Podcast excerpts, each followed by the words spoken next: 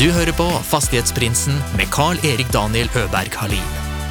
I denne podden får du følge med på eiendomsinvestorer fra Sverige og Norge når de deler sine erfaringer og tips med oss lytterne. Gjestene er alt fra småbarnsforeldre med sin første enhet, til de mer etablerte haiene. God fornøyelse.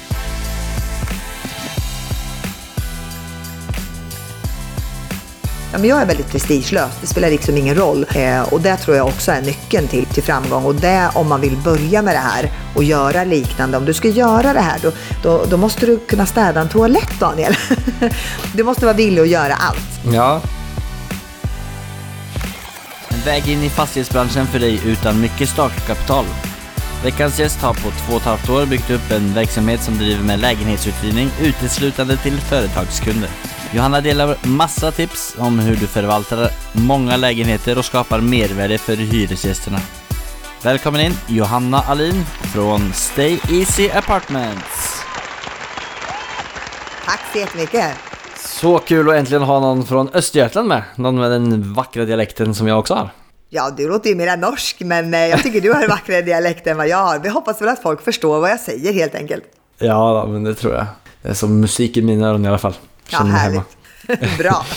ja, nej men jag, jag ser fram emot den här intervjun faktiskt jättemycket för du har ju väldigt många av de komponenterna som man, och kunskaperna som man behöver ha när man är en fastighetsägare. Du har en lite annorlunda, ska man säga, inriktning eller strategi eller till, eh, involvering inom fastighet än vad mina tidigare gäster har.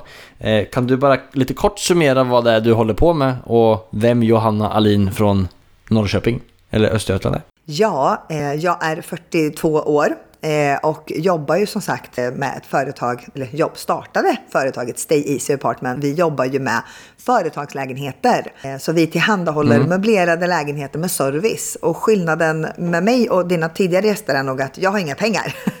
så att jag, jag, jag är ingen fastighetsmogul. Utan vi såg ett, ett jättestort behov av att företag ringer fastighetsägare och vill hyra en lägenhet under en kortare period där hotellvistelse absolut inte passar. Eh, Men allting under två år eh, tycker de flesta fastighetsägarna att det det blir krångligt, det är mycket pappersarbete, det blir mycket slitage, det är in och utflyttar. Det är inte jättebra.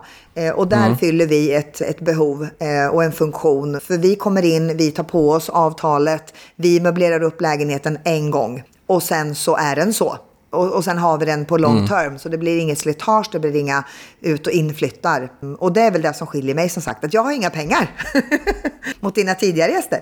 Nej, nej. Ja. Som jag tycker det låter så är det inte så långt kvar innan du kan ha lite mer pengar. Nej. Du har gjort en väldigt fantastisk resa hittills med den, eh, eh, med den verksamheten Stay Easy Apartments eh, som bara är två och ett halvt år gammalt om jag inte förstår det riktigt. Ja, precis. Vi startade ju februari 2019, så att lite drygt två och ett halvt år. Och det har, det har, gått, det har gått fort, kan man säga. Väldigt fort, men det har gått jätte, Ja. jättebra, så det är jätteroligt. Hur många lägenheter eller enheter är det som ni förvaltar? Är det förvaltar man kan säga, eller?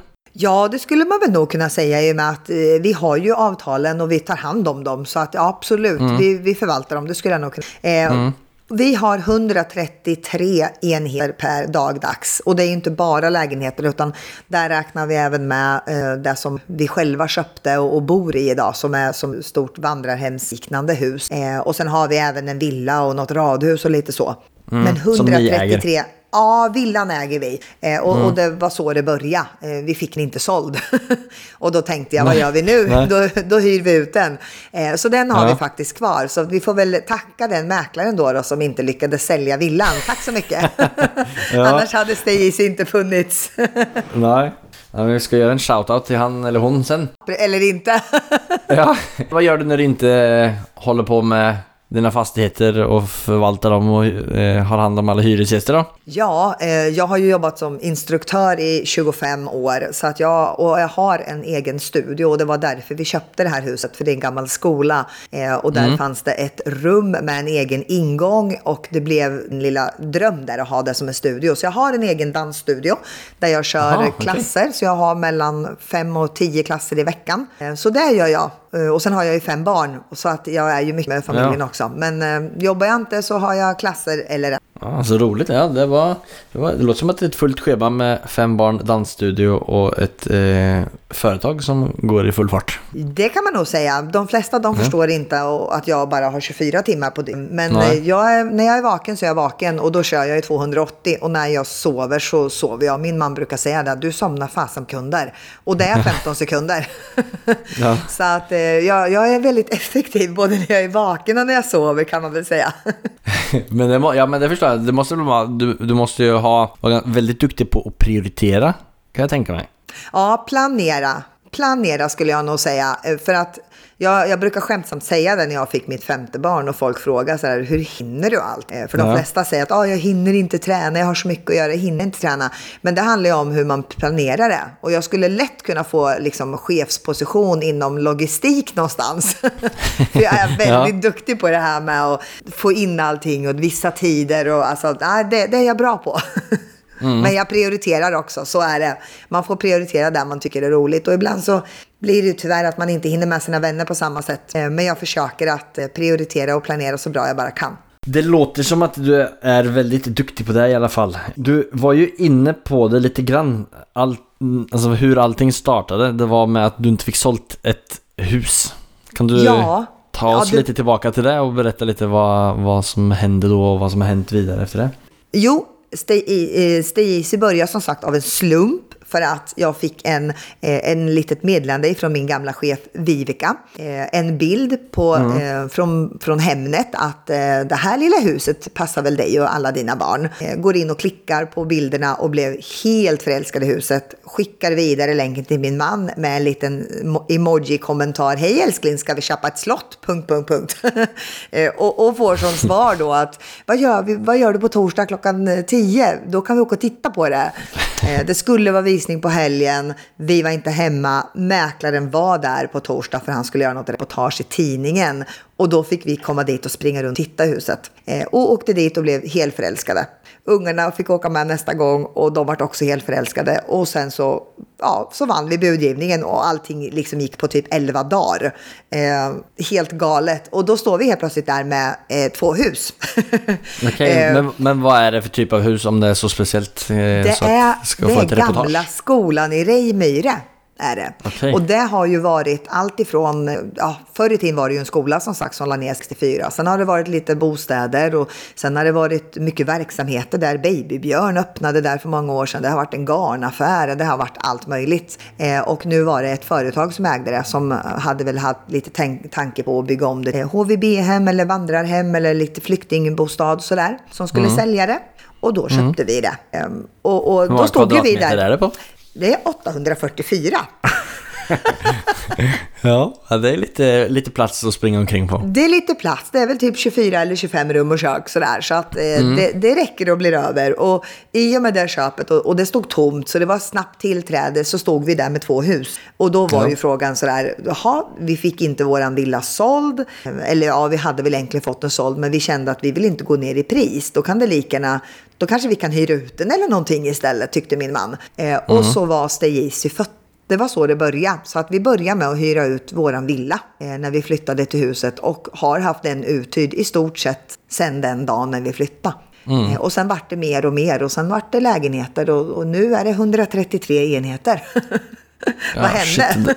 Ja, verkligen. Vad hände? ja. Ja, vad är steget efter det då? Alltså vad gör man när, när den idén kläcks? Alltså var ni båda, hade ni båda jobb då eller? Ja, eh, min man är ju också egenföretagare och grossist så han jobbar, han jobbar mycket mot Kina och han har ju sitt. Eh, jag var anställd och, och jobbade med liknande verksamhet eh, och frågade, frågade våran svenska vd då att eh, nu är det här situationen, vi får inte sålt. Eh, om du tycker att det konkurrerar att jag hyr ut min villa, då måste jag säga upp mig. För att jag måste kunna hyra ut den här villan liksom. Eh, Vi kommer inte gå runt annars rent ekonomiskt. Han sa att det konkurrerar absolut inte Johanna för att vi har bara lägenheter och det här är en helt annan grej. Eh, Så jag fick skriftligt på att eh, jag fick hyra ut min villa. Ja. Vilket jag gjorde. Och sen så, lång historia kort, jag vantrivdes mer och mer på mitt jobb efter två och ett halvt år. Och kände väl att Alltså jag har byggt upp hela Östergötland åt dem. Eh, jag kanske kan göra det själv igen. Eh, och då tyckte min man att eh, hellre att vi är luspanka och att du mår bra än att du jobbar kvar. Så då sa jag upp mig och tänkte ju att okej, okay, men då ska jag vara en liten spelare, jag ska vara i Norrköping, jag ska ha villan och kanske fem, sex lägenheter för att ändå kunna ha någon form av lön. Eh, mm. Jag började städa ju och gjorde allting själv från början, så det var ju liksom en lägenhet. Och när vi hade hyrt ut den i någon månad så fick jag en till och fick jag en till. Och nu mm. finns vi som sagt i sju städer runt om mm. i Sverige. 133 enheter. Vi har sju stycken anställda så att vi har ett eget service och städteam. Och planen nu är väl att eh, just nu ska vi ta det lite lugnt. Min man håller lite här i tyglarna nu. Så nu ska vi ta det lite lugnt. Men 2022 ska vi expandera lite. Så vi har lite tanke på lite nya orter. Och jag får in ja. otroligt mycket förfrågningar. I morse så tackade jag nej till boenden i Gävle och Stockholm. För jag har ingen mm. vilja att gå uppåt, utan jag vill gärna vara här runt Östergötland eh, mm. och Södermanland. Eh, så att eh, mm. vi håller oss här, men det finns planer på expansion. Men inte just nu. Nej, du ska, du ska ha en paus i två månader och sen ska du gasa på. Ja, lite så. lite så är väl tanken. Ja. För det har blivit mycket jobb och, och sen under pandemin också när man inte får träffa någon och man kunde inte göra så mycket och jag kunde inte ha mina klasser utan fick stå hemma och, och liksom köra mina, mina Zoom-klasser över nätet jobbet. Och ja, då, då var det liksom, då får jag jobba istället. Och jag tycker det är kul att jobba. Så då, då var det mycket jobb. Och helt plötsligt så var det väldigt mycket. För jag vet att innan sommaren började så tror jag jag hade 107 lägenheter. Eh, och sen efter sommaren när jag kom tillbaka, då var ju några i personalen, de hade ju haft sex veckors semester. Mm. kom tillbaka och bara, men Johanna, vad fasen hände? vad, vad har du gjort i sommar? Jag har inte haft semester i alla fall, säger jag. Så, att, eh, så nu ska jag försöka vara lite ledig i alla fall. Och inte ta ja. på mig så mycket nytt. Ja, men det tycker utan, jag låter ja. som en bra idé.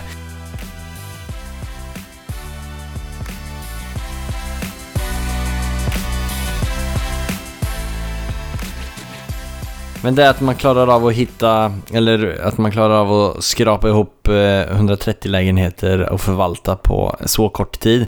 Du sa att alla dina hyresgäster är företag. Ja, precis. Vi jobbar bara mot företag.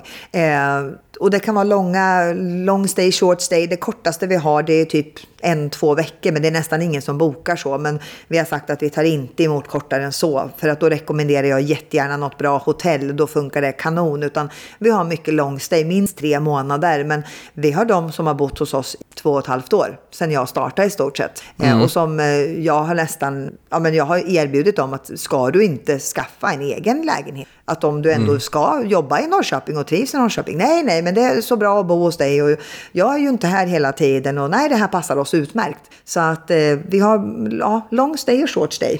men som sagt, mycket, mycket långa kunder. Vi kan hjälpa privatperson, eh, men då är det bara om det är ett, typ ett företagsärende. Alltså en familj som har haft en vattenskada eller en brandskada eller någonting. Då kan vi hjälpa och då är det ju egentligen företag också, för det är ju försäkringsbolaget som hyr den här lägenheten då. Så då blir det som ja. en evakueringslägenhet. Eh, mm. Men jag brukar säga det, när vi vet att personen i fråga har någonstans som de egentligen vill bo, eh, som mm. permanent mm. boende, då kan vi hjälpa till. Och de vill ju väldigt gärna komma hem igen. Men mm. annars inga privatpersoner. Eh, Nej, de okay. hjälper vi inte, utan de hänvisar jag jättegärna till våra fastighetsägare. För det är inte det, vi håller inte på med någon konstig andrahandsuthyrning, utan vi jobbar mot företag och hjälper deras personal med tillfälliga boenden. Mm. Ja men det är ju väldigt intressant det exemplet som du tog upp. Du, det var en som hade bott hos dig i två, två och ett halvt år och du frågade varför hyr ni inte bara en, en vanlig lägenhet? Vad, vad är anledningen till att man väljer att bo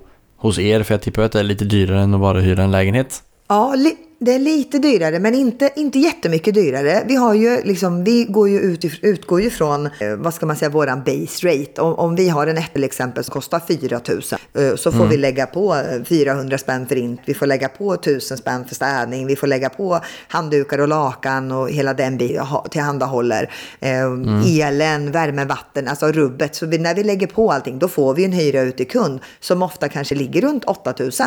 Så det är mm. inga jättestora, det är liksom ja, det är inte Stockholmspriser. Vi tar inte 16 000 för en etta liksom. Utan vi Nej. har humana priser.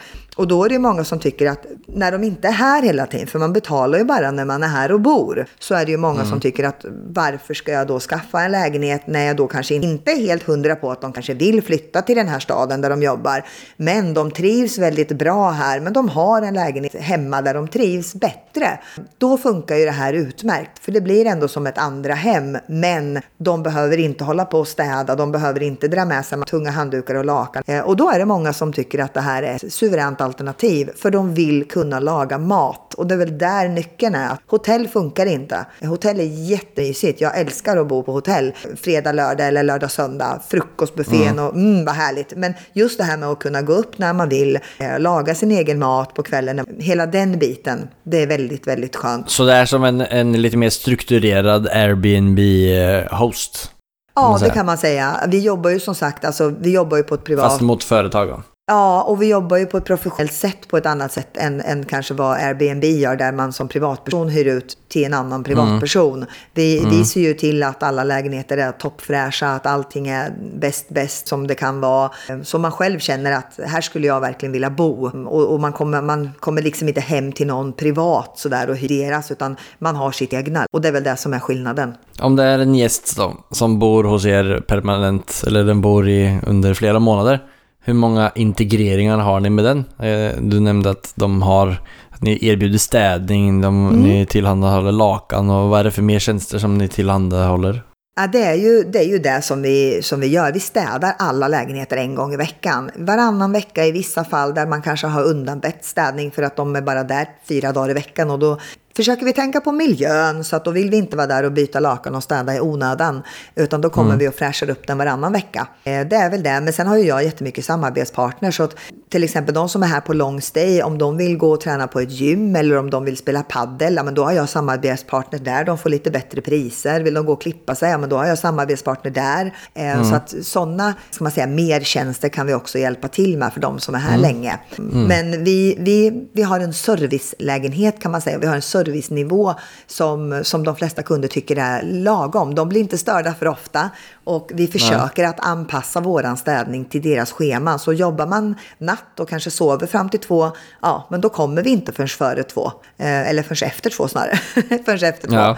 Så att vi inte liksom stövlar in och ligger och sover och precis har kommit hem. Så att vi försöker att anpassa oss. Så har vi de som är hemma måndag, tisdag, onsdag, torsdag och jobbar och sen åker de hem till egna. Eh, Då försöker vi städa fredagen så vi inte kommer att störa alls. Utan att då har de en fräsch lägenhet när de kommer tillbaka på söndag kväll. På 130 lägenheter som ni har, hur mycket omsätter man i året på det? Ja, vi har ju precis haft vårat, ska man säga, andra helårsbokslut. Vi har ett brutet räkenskapsår. Det här är min man bättre på. Men eh, och, och andra året så omsatte vi typ 7,9 tror jag.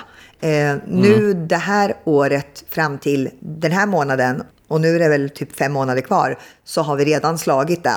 Så det är jätteroligt. Men vi, alltså, vi omsätter över en miljon i månaden kan jag säga. Eh, sen Ja. skiftar det väldigt om vi har allting uthyrt eller om vi inte har det uthyrt. Eh, det kan vara allt ifrån 1,5 och sen ner till 9, 900 000 ungefär. Eh, så det beror lite på. Men oftast, alltså nästan allting har ju varit uthyrt hela tiden. Och det är väl därför siffrorna också är väldigt, väldigt bra. Jag försökte bara att få lite koll på liksom hur, hur lönsamt som det är på att göra det. Du har ju ganska mycket utgifter, eller du har ju en del utgifter med om ni åker dit och städar, om ni åker dit och Absolut. byter lakan och så vidare. Ja, jo, Finns det det är någonting mycket kvar? kostnader. Ja, jo, men det finns, det finns kvar, absolut. Eh, vi försöker ju att ja, vara lite smarta och smidiga när, när vi till exempel åker runt så vi sparar bensinkostnader, lite hur tjejerna jobbar och arbetstiderna och vi försöker att liksom vara eh, miljömedvetna och effektiva eh, så att det inte ska bli kost, så kostsamt som det skulle kunna bli när man åker runt så mycket som vi gör.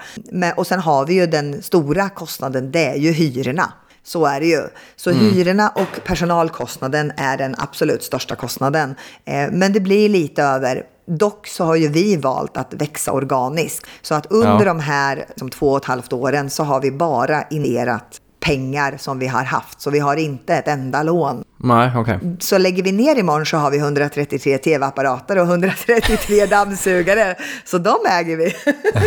Men vi har liksom valt att göra så. Så ni hyr den helt tom och så stoppar ni in liksom sängar och tv-apparater och dammsugare helt kittat? Okej. Yes, allting finns på plats. Så att eh, Jysk och Ikea, de gillar ju mig. För jag har ju handlat där för typ en miljon per år. Ja.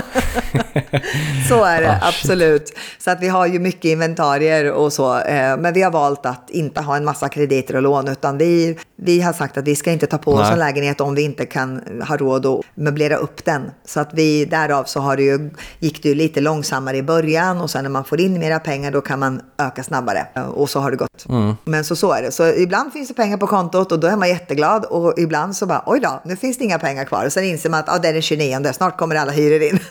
så att ja, det rullar på. Ja, nej men det här är ju en strategi som jag vet att många kanske sta- eller att vissa i alla fall startar med som liksom inte har pengar men de vill komma in i, i fastighetsbranschen och det har ju du verkligen bevisat att det, att det är möjligt att, att bygga sig väldigt stor. Alltså jag tänker så här i kombination med det du har här, om du hade partnerat upp det med en riktig fastighetsägare så hade ju ni kunnat varit väldigt starka i att köpa ganska många fastigheter tillsammans. För Ja, du har eller- liksom konceptet, alltså själva Jag har driften konceptet av och det. de har pengarna.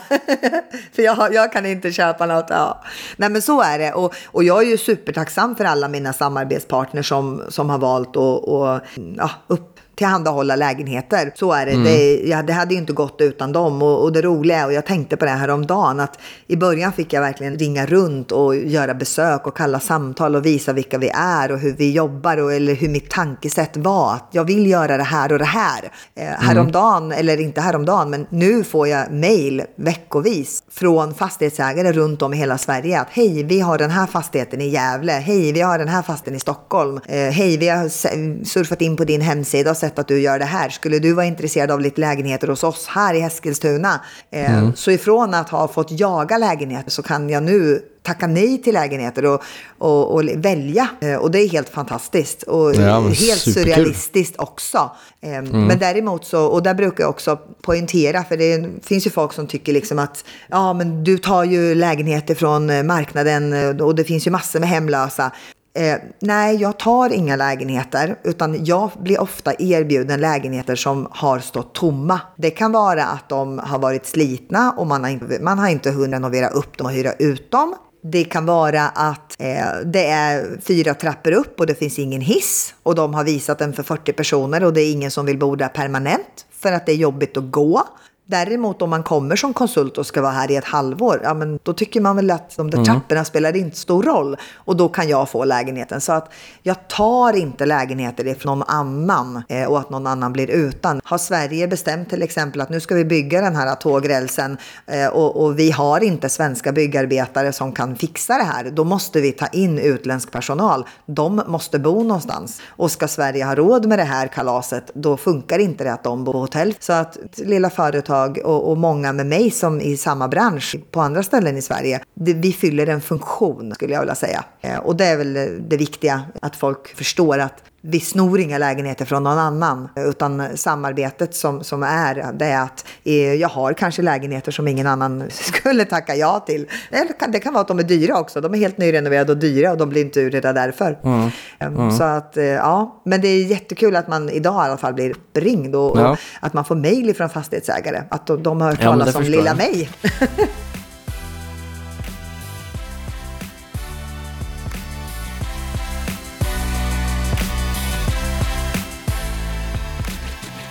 Hur många fastighetsägare är det som du samarbetar med? Oj, herregud, de kanske inte vill att jag ska namedroppa dem. De får, man får väl gå in och kolla på hemsidan. Alltså det är väl alltså, typ 20 stycken. Tju- Ja, det är 20 Ja, stycken 20 som... eh, stycken, varav de fem största fastighetsbolagen i Sverige är medräknade där. Så att, Och eh, hur många, ja. hur många olika företag totalt cirka är det som, eh, som du har som hyresgäster då? Alltså jag kollade häromdagen och då har, jag tror att vi hade 283 unika kundföretag i databasen. Mm, okej. Så att, och sen är det ju liksom vissa företag som har flera lägenheter på flera olika orter. Och, och, vissa som kommer och bara ska bo och jobba i ett projekt i tre månader och sen kommer de inte tillbaka för då var det klart liksom.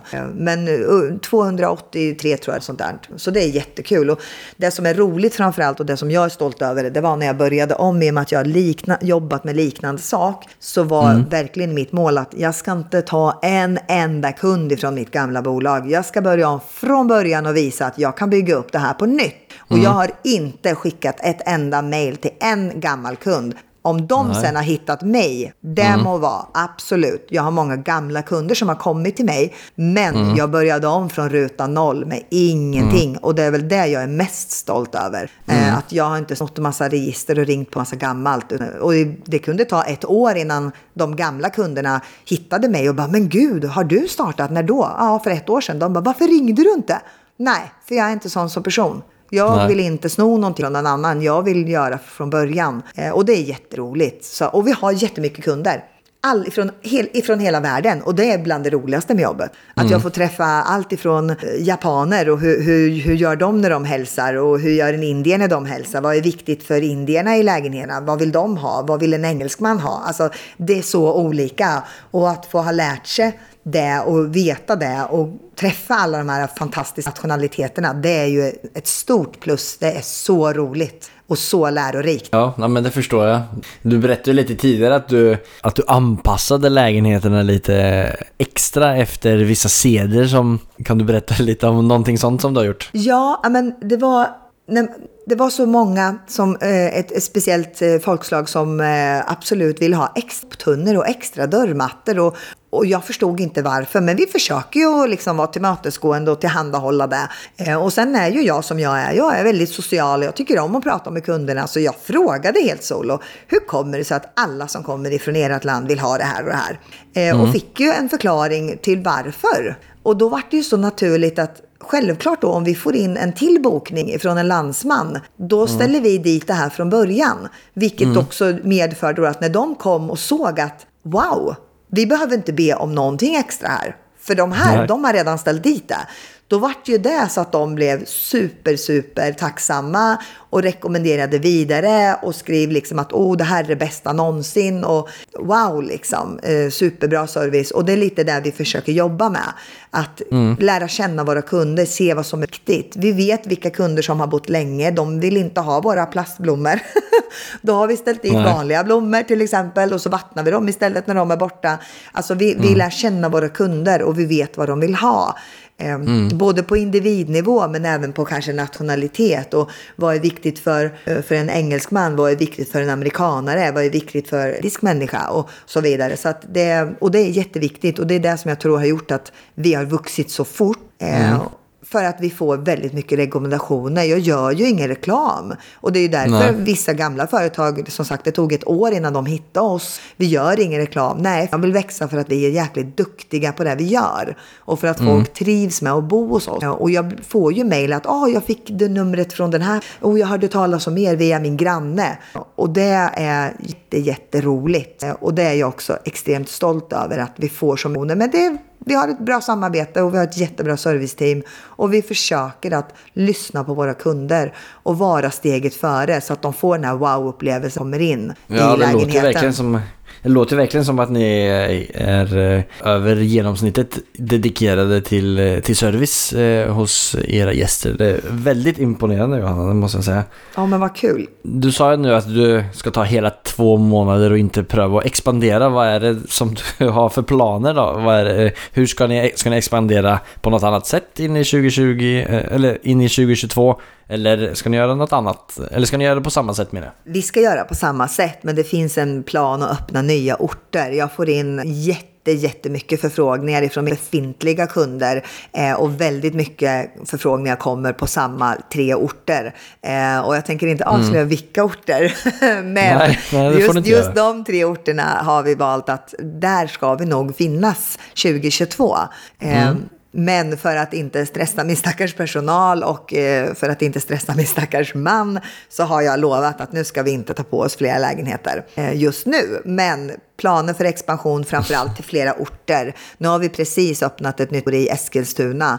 Eh, ja. Så att vi finns på plats i även Eskilstuna. Så nu har vi Eskilstuna, Norrköping, Finspång där vi har kontor. Men mm. vi kommer att behöva öppna som sagt på andra ställen också. Men 2022. Hur ser en sån hubb ut, eh, alltså när du har öppnat Eskilstuna? Hur, jag tyckte du sa att det var fyra personer som jobbade hos dig. Eller Nej, vi är, vi är Nej. sju stycken totalt. Varav. Eh, mm. ja, sex stycken jobbar heltid med städ och sen så, så är det jag och sen min man som jobbar med ekonomin och har hand om alla de här tråkiga bitarna. Ja. så jag får göra de roliga bitarna. Ja. ja. Eh, alltså vi är väl egentligen åtta då, om man räknar med honom, men, men han stackaren får ju ingen lön. eh, Nej, alltså när, när vi öppnar ett nytt kontor då är det mer att, att det finns ett kontor dit kunderna kan vända sig. Eh, det finns ett kontor framför allt där min personal, när de är till exempel i Eskilstuna, kan åka, sätta sig, ta en rast, sätta sig, käka sin lunch, gå på toa. Där vi har lite extra material, sånt som vi vet kanske går sönder, extra glödlampor, lite små grejer, handdukar, lakan, alltså sådana saker. Så att det är inget kontor som är bemannat dygnet runt, utan det är mycket för min personal, eh, men också för att underlätta eh, när vi åker. För vi åker ju ändå till Eskilstuna. Det tar ju en och en halv timme. Okej, ni kör från eh, Östergötland upp till ja, Eskilstuna? vi gör okay. ju mm. det. Och, det var lite det, det jag undrade. Det är för att jag vill, jag vill veta vilka som går in i lägenheterna. Det ska vara samma mm. personal hela tiden. Det ska vara våran personal. Så att vi har ju vi har vissa samarbeten när det kommer till slutstäd med olika städbolag. Eh, men då är lägenheten tom. Mm. Då gör det ju någon annan som går in i lägenheten. Men jag vill kunna säga till mina kunder att det är de här sex tjejerna och jag som är inne i lägenheten. Det är ingen annan. Vi kommer inte lämna ut något städbolag som går dit, även om de kanske är jätteduktiga. Utan vi, vi gör det själv och det är vi som kommer. För då vet mina kunder det. Och därför mm. så har vi valt att, eh, även om det kanske är hål i huvudet, eh, att sitta och åka mellan ja. våra städer. Men det är därav också som vi har tackat nej till, till Stockholm och Gävle och Göteborg. Och då, det blir långt att åka. Så att, ja, nej, men så, jag förstår, så jag förstår din, ditt tankesätt där med ja. Det där är en övervägning, kvantitet eller kvalitet. Eh, och så i längden så är det ju kvalitet som vinner alla gånger. Ja. Så länge i alla fall ehm, man är på rätt sida av eh, plusstrecket. Exakt, exakt. Det låter ju som att det här är en, som du, som du inledningsvis sa, att det är stor brist på det här behovet. Ja, det är det. Absolut. Det, och som sagt, det är jättemånga. Jag har ju ett fantastiskt samarbete med, med Amasten i, i Finspång till exempel. Där jag får ju vidarebefordrat mejl från som sitter ansvarig där hela tiden. Att Åh, nu söker det här företaget en lägenhet igen och, och vi kan ju inte tillhandahålla det. Men jag har rekommenderat dig. Och så helt plötsligt så får jag en kund utav mina fastighetsägare. Eh, mm. Och, och, det, och de får ju också en nöjd kund då, för även om de inte kunde hjälpa kunden direkt så har ju de indirekt hjälpt kundera mig. Så att vi har ett otroligt bra samarbete med mina fastighetsägare och Ja, och det kan vara allt ifrån de små fastighetsägarna som var väldigt oroliga och ville testa och upplåta en lägenhet. Där jag mejlar liksom att nu är det den här och den här kunden som kommer och de kommer den här perioden. Eh, det kan vara en sjuksyrra, hon heter Ambrit bara så att du vet. Eh, och, och då är de jätteglada och trygga med det. Mm. Eh, så att ja, men vi försöker även där anpassa vår servicenivå och våra tillmöte, tillmötesgående till fastighetsägarna också på olika sätt. De större fastighetsägarna de, de har inte tid eller ork eller bryr sig på samma sätt utan de vet att vi sköter oss och, och att vi har bra referenser och att det funkar bra i våra lägenheter. Eh, är det något strul eller något, något konstigt, något klagomål från någon granne, då tar vi tag i det direkt. Eh, och oftast så handlar det nästan 10% om att utländska företag inte förstår hur man använder den svenska tvättstugan. Nej, okay. Nej. Annars så brukar det inte vara några klagomål direkt. Eh, och att vi i Sverige har väldigt strikta rökpolicies. Eh, och vi, mm. ja, de får inte ens röka på våra balkonger. Och då tycker de att det är jättekonstigt, vi är ju utomhus. Ja, fast vi har rökförbud, både i lägenheten och på balkongen. Då, då får du röka utomhus och det är knappt att du får göra det. Och slänger du en fimp så kostar det 800 spänn. Ja. alltså så. Eh, och det är väl de utländska företagen inte vana vid. Men, men annars Nej. brukar vi inte få in några klagomål. Men får vi det, då är vi väldigt snabba på att återkoppla till kunden och även återkoppla till fastighetsägaren att vi har pratat med kunden och, och, de har bett om ursäkt och det här kommer inte upprepas. Jättebra att ni sa till oss. Det är ju jättebra, men jag ska säga, här, den här företagsidén låter ju i min låter ju väldigt bra. Eh, det är nästan så att jag vill göra det själv. Eller, ja. hur ska jag gå tillväga för att liksom komma igång med en liknande verksamhet här i Norge då? Ja, alltså du får väl gå till fastighetsägare eller om, om du äger massa egna fastigheter. Eh, och, Nej, det gör jag eh, inte. nej, då får du gå till fastighetsägare och så får du be lite snällt om du kan få en, en, lägenhet, förslagsvis en liten etta att börja med. Och möblera upp den med allt mellan himmel och jord. Och sen så hyr du ut den till ett företag. Så är du igång. Men för du hyr, alltså du tar risken. Du går in och hyr lägenheten.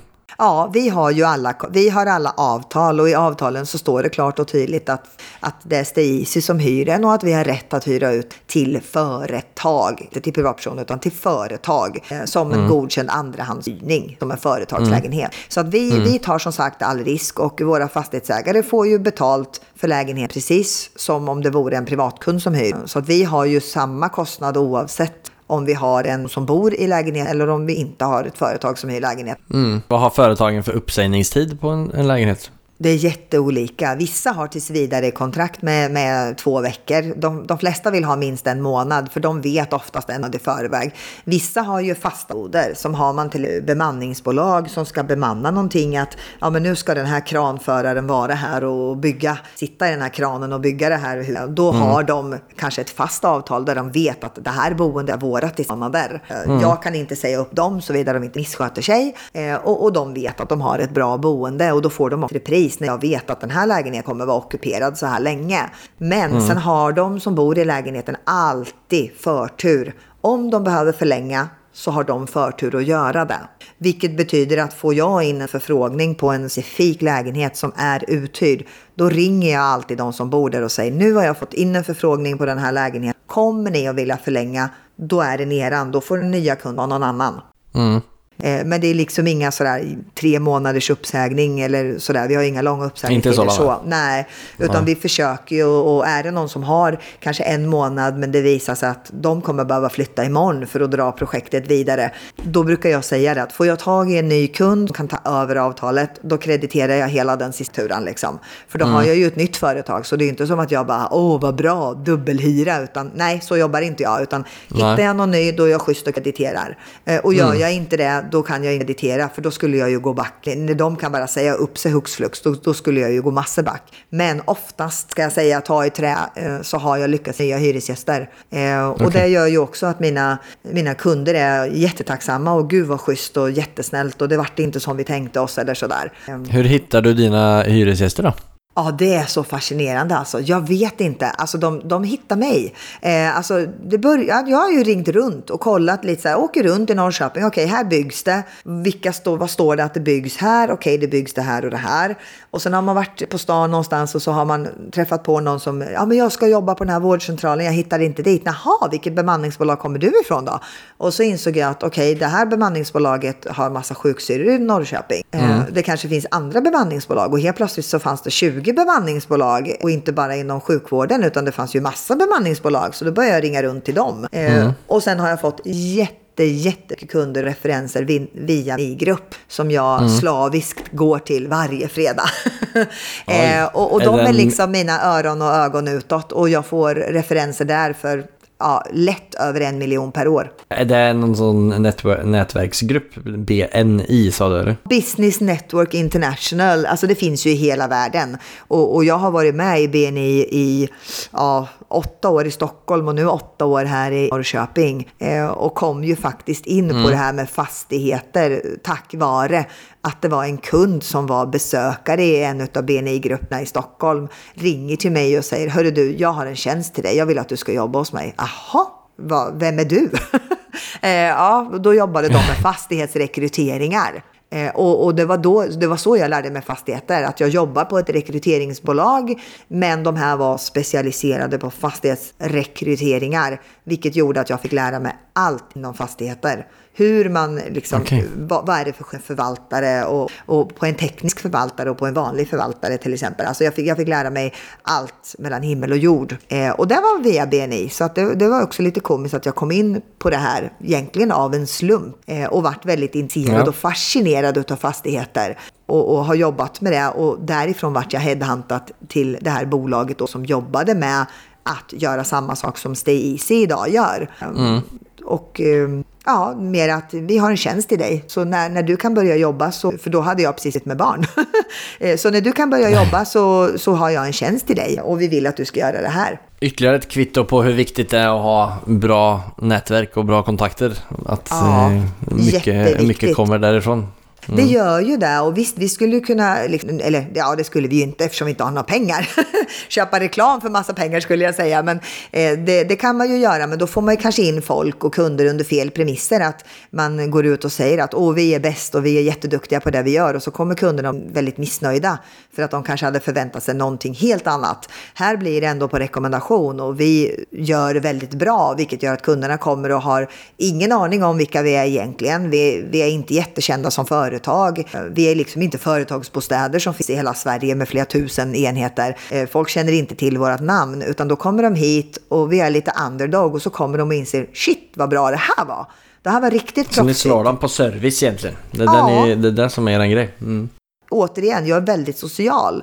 Jag har inte så svårt att säga till mina kunder att snälla, om du tyckte jag var bra, kan inte du nämna det till alla dina kollegor? För du har ju säkert massor med kollegor. Så jag har ju kunder som liksom taggar mig på Facebook. Helt plötsligt så har jag fått en ny kund för att jag har blivit taggad i ett inlägg på Facebook. Eh, För att de Okej. vet att det funkar bra och att vi sköter oss. Och då till och med rekommenderar våra grannar oss. och, och det är jätteroligt. Men vi är ganska dåliga på att göra liksom reklam. Ja, men det låter ju som att ni gör det, alltså ert namn göra reklamen åt er. Eh, Ja. Ni levererar superbra service och det kommer er i förväg egentligen. Ja, rekommendationer och referenser skulle jag nog säga är 90 procent. Och sen att vi gör ett bra jobb. Mm. Men om jag åter till liksom om jag ska pröva att starta det här. Jag tar kontakt med en, en eh, fastighetsägare Yes. och kommer med ett förslag att jag vill hyra det här och jag, min plan är att hyra ut det till eh, företag. Är det så enkelt? Är det många som är positiva till det eller är det, många, eller är det en liten skara som är positiva till det? Det, ja, det beror nog på hur man är som person. Alltså inger man ett förtroende och att man vet vad man pratar om, man kan förstå problematiken med massa olika faktorer inom uthyrning, att man kan lagar och regler. Eh, visar man på att man har koll på det här, då tror inte jag att fastighetsägare är så snåla med att ge ut en lägenhet på prov eller så om man vill börja. Det tror jag absolut inte. Men kommer man och tror att det är en quick fix, då har man väldigt fel. För det är hårt slit. Jag menar, jag anställde inte min första städare innan vi hade 30 lägenheter. Så folk, de är så roliga. De är så här, men eller ja, mina nya tjejer kan man säga, de tycker att det är väldigt fascinerande att jag drar på mig städkittet och åker och städar. Eh, Klipper ner mina naglar och sätter upp håret och åker och städar med dem. Om, och, och det är liksom, jag menar, jag är en i teamet. Vi ger så tillsammans. Det spelar ingen roll att det är jag som råkar starta eller äger det här eller att jag är så vackert på pappret VD. Jag är en i teamet. Vi behövs allihopa. Finns inte min talang med att skaffa lägenheter och kunder, då har de inget jobb. Men om de inte sköter sitt jobb, då har jag inga schyssta lägenheter att hyra ut. Så att vi är ett team. Och det är väl det som är viktigt för folk som vill göra det här, att förstå att det är jäkligt tufft i början. För att anställa personal är kostsamt och innan man har kommit upp till den, man har råd med det, då måste du ha någon som gör det. Och då måste du vara villig att göra det själv. Så att jag är inte bäst på att städa, absolut inte. De andra är mycket bättre. Men jag har inga problem med att sätta på mig handskar och stå och skura en toalett. Absolut inte. Och jag tror att det här med att jag inte är så Ja, men jag är väldigt prestigelös, det spelar liksom ingen roll. Eh, och det tror jag också är nyckeln till, till framgång. Och det om man vill börja med det här och göra liknande. Om du ska göra det här, då, då, då måste du kunna städa en toalett, Daniel. du måste vara villig att göra allt. Ja. Allt ifrån att liksom beställa möbler till att sätta det och montera möblerna till att sätta upp lampor till att städa lägenheten och ta emot kunden. Om man inte har stålar, för då kan du ju köpa in allting såklart. Men vill man börja och inte ha det, då, då får man vara med och göra allt från början. Mm. Men den här brytningspunkten då, när du gjorde din första anställd, alltså, låt säga då att den anställda kostar 30 000 kronor i, i månaden. Vart går din brytgräns, eller vart gick din brytgräns eh, på att nu väljer jag att istället för att ta pengar till mig själv eller till företaget så väljer jag att anställa en till för att expandera? Ja, jag tror att det var vid typ lägenhet 19 eller 20 så började jag titta på att få in någon på, för att få lite hjälp. Eh, och, mm. och, och, sen valde jag själv att ge personen i fråga bättre lön än vad jag tog ut. Alltså jag fick väl typ 20 000 i lön.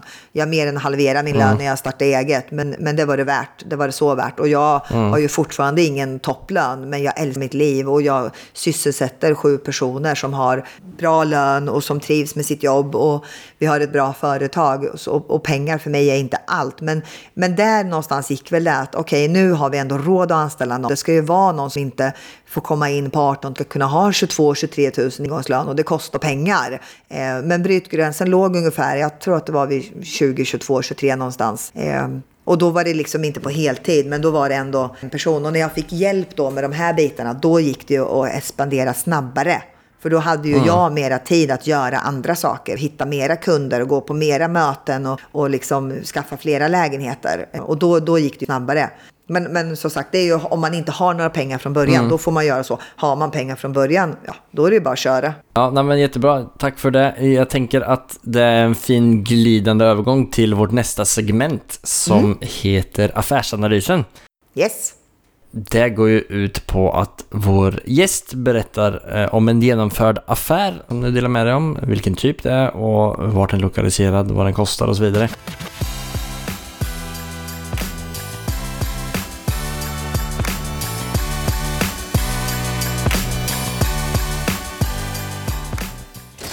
It has not been easy for me. And, you know, I, I started off in Brooklyn. My father gave me a small loan of a million dollars.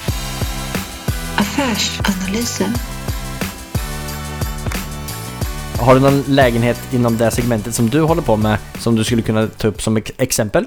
Ja, alltså för att göra det enkelt så skulle man ju kunna ta en etta då till exempel. Och, och mm. säg då att kostnaden för den här lägenheten 5 000 i månaden. Då får man en etta ungefär som är kanske 40 kvadrat eh, i något sånär skick. Eh, inte topprenoverad, men inte, inte liksom plastmatta i badrummet, men inte topprenoverad. Utan då, och sen ska man göra inköp till den lägenheten. Och jag brukar säga att etta kostar att inreda ungefär 45 000.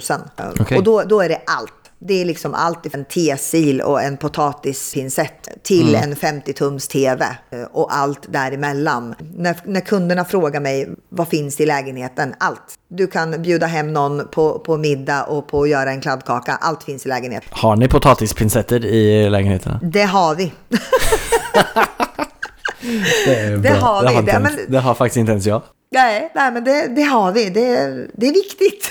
Ja, det, är ja, men det har vi. Viktigt. Men, men ja. så, det, är liksom, det är mycket små grejer som man måste ha som kanske folk inte tänker på. Och jag har hjälpt kollegor i branschen som har startat i Göteborg, och Stockholm och Malmö och skickat över mina listor att det här behöver du ha i en lägenhet. Och de bara, mm. shit, ska jag köpa in allt det här? Man bara, jajamän, det här behöver du köpa in. Det ska bli ett fullutrustat hem.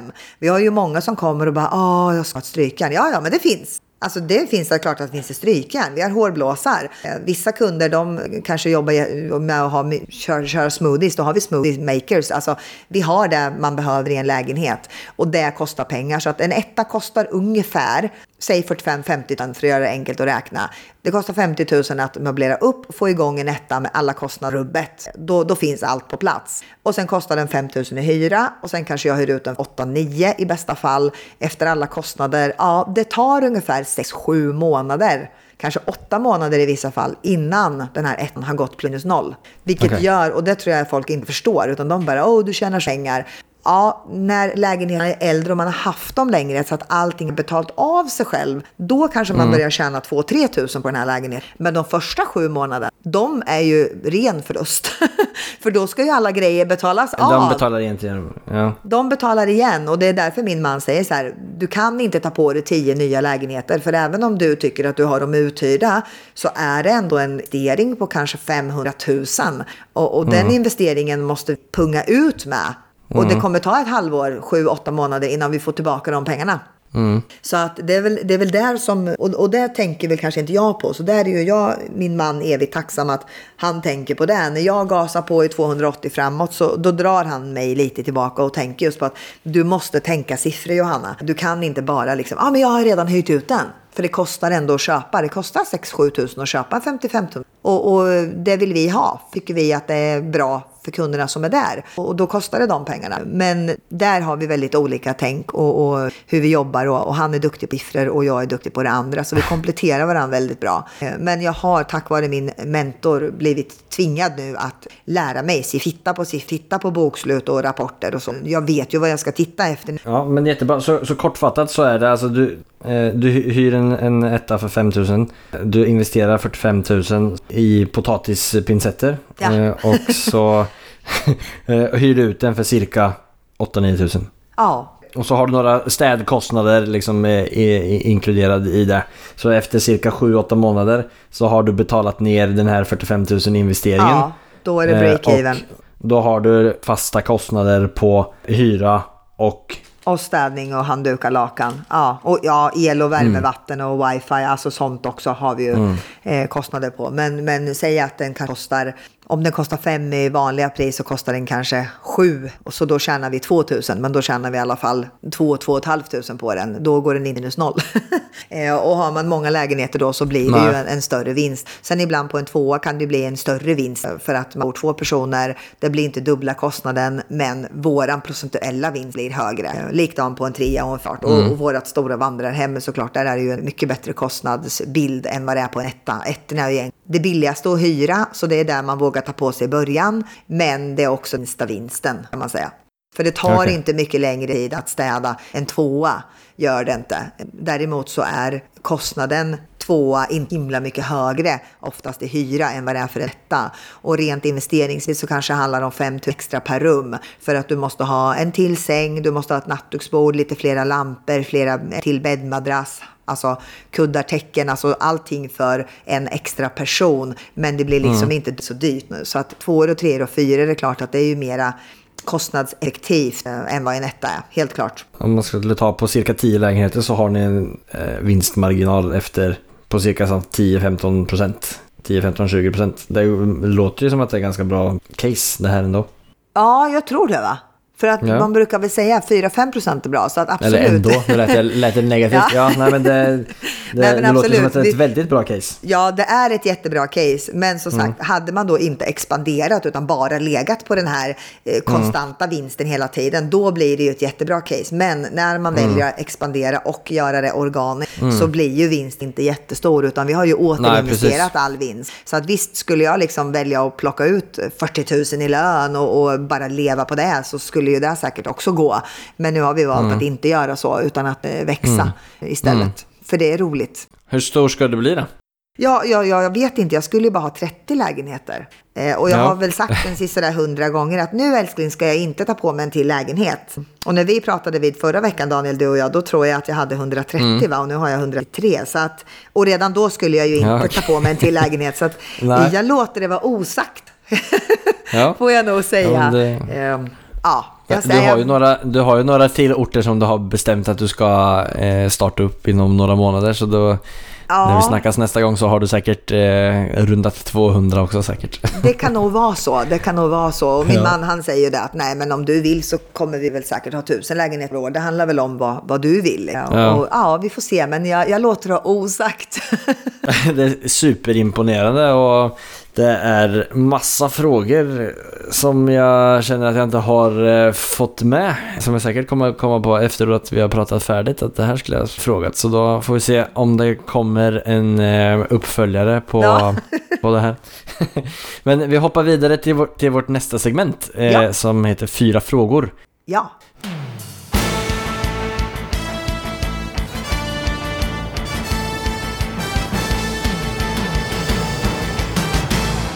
Cuatro preguntas. Det är de samma fyra frågorna som vi ställer varje gäst och den första frågan är som följande.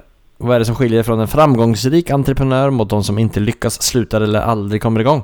Jag tror att man måste älska det man gör. Det är nummer man, man kan nog aldrig lyckas om man forcerar det, utan det måste, man måste älska det. Man måste tycka att det är roligt. Det tror jag är nyckeln och det är i alla fall min nyckel. Jag skulle ju inte kunna göra det här om det var tråkigt, om jag inte trivdes med det. Jag gjorde ju exakt samma sak förut, men då trivdes jag ju inte med det. Nej. Så att, Nej. jag, jag skulle nog säga att man måste älska det man gör. Då kommer det, då kommer Vad man att som var lyckas. skillnaden nu då?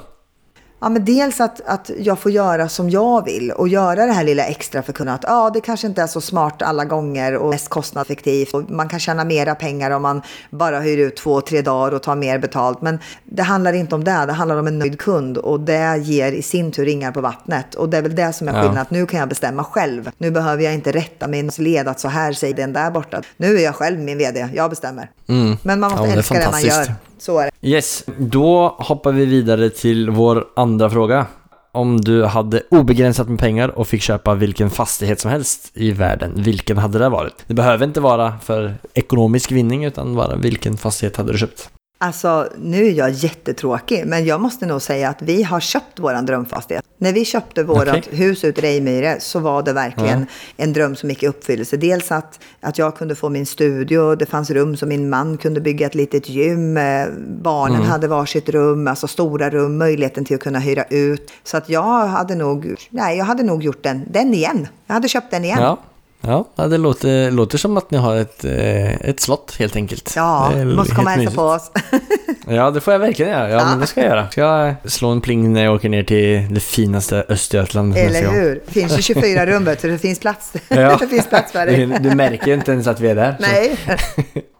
Tredje frågan, har du ett bästa boktips för en som är intresserad i fastighetsinvesteringar? Oj, det frågar du en dyslektiker som inte läser böcker. Alltså jag, jag lyssnar jättemycket på poddar och allt ifrån Ja. kriminalpoddar till P3s sommarprat. Liksom. Eh, Jag, Mm. jag lyssnar på allt. Men eh, det finns väl säkert jättemycket fastighetsrelaterat material man kan läsa också. Men, men jag är inte en sån som läser sånt.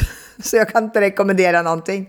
Men eh, vilken är den bästa podden som man kan lyssna på för att höra på lära sig om fastigheter då?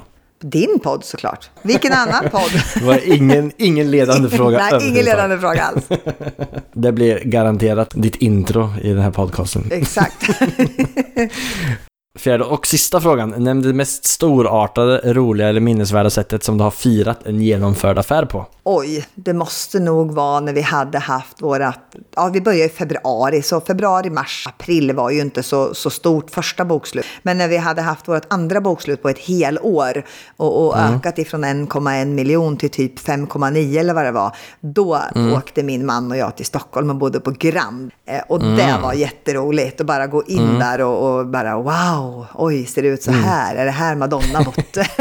är det här Elton John har bott? Är det här alla har bott? Och så ska lilla jag få bo här i två nätter. Wow, liksom. Ja. Eh, och det tyckte jag var jätteroligt. Eh, så, och de, de flesta kanske tycker att det är väl inget roligt firande, men jag tyckte det var jätteroligt. Är, är du bra på att fira? Nu har vi ju inte funnits så länge så att vi, det har ju inte Nej. funnits liksom så mycket att fira. Men nu har vi ju gjort, ja, vad ska man säga, två år och det har gått jättebra. Så nu ska vi ha en liten en teaterkväll och, och gå ut och käka med, med städteamet. Och det ska också bli jättekul. Så det är ett sätt att, att fira och även involvera dem. För att ja, utan dem så inget serviceteam och utan serviceteam inga Nej. fräscha lägenheter. Och återigen, det bygger på att vi samarbetar. Eh, Så det är Ja. jätteviktigt att de får vara med på det. Men som sagt, det, ja, men det var jättekul att åka till, till Stockholm och på Grand. Ja, ja men tack för det. jättebra perspektiv måste jag säga med, eh, hela det tankesättet som du har med, med sammanhållningen i, i ditt företag. Det låter som att ni är ett jättegott gäng. Det låter som att du är en väldigt bra ledare också, tycker jag.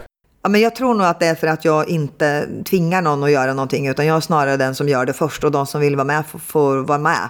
Eh, Jag sitter liksom inte och piskar dem, utan det här gör vi, kom igen nu tjejer, vi hjälps åt. Eh, Och, och, och där tror jag, de, då får man respekt när man gör det, att man inte bara sitter och, och bossar, utan de får absolut inte kalla mig för chefen, liksom, utan jag är en utav dem. För vi rundar av här, är det någon speciell säga, deal eller samarbetspartner eller person som du vill komma i kontakt med? Alltså, Jag skulle nog vilja vända på den frågan eh, och säga att om det är någon som tycker att jag verkar intressant och rolig och vill ha kontakt med mig så får de jättegärna kontakta mig. Eh, För det finns så mycket intressanta personer där ute att jag kan inte bara välja en. Eh, Men som sagt, är det någon som sitter där ute och som tycker jag är intressant, varsågod, ring. Jag tar jättegärna ett helt förutsättningslöst möte. Alla olika typer av möjligheter är Johanna öppen för, låter det som. Ja, allt ifrån om det är någon som är intresserad av att starta eget och, och vill veta hur jag börjar. Jag som sagt, jag delar jättegärna med mig av erfarenhet och mina listor och vad jag tänkte på. Till, eh, vem vet, fastighetsägare som kanske vill ge mig ett hus kanske. Vem vet? men Men vem all, vet? alla meddelanden är välkomna. Ja, ja men superspännande. Vi lägger din kontaktinformation i beskrivningen på podcasten också. Yes. Så alla kan komma i kontakt med dig där. Kanon. Nej men alltså jätte, jättespännande och imponerande allt som du har åstadkommit hittills. Och du har en fantastisk energi och sättet som du planerar och eh, får ihop eh, alla dina företag, familj och eh, hobbys på är ju väldigt imponerande. Som sagt, logistikchef. Tusen, tusen tack Johanna för att du delade med dig och ville vara med här i podden. Tusen tack för att jag fick vara med och vad roligt att du hittade mig. Hur nu det kom sig. Det var jätteroligt. Det var jätteroligt att vara med. Tusen tack. Jag var säkert en av dina hyresgäster som eh, rekommenderade. Det var nog det.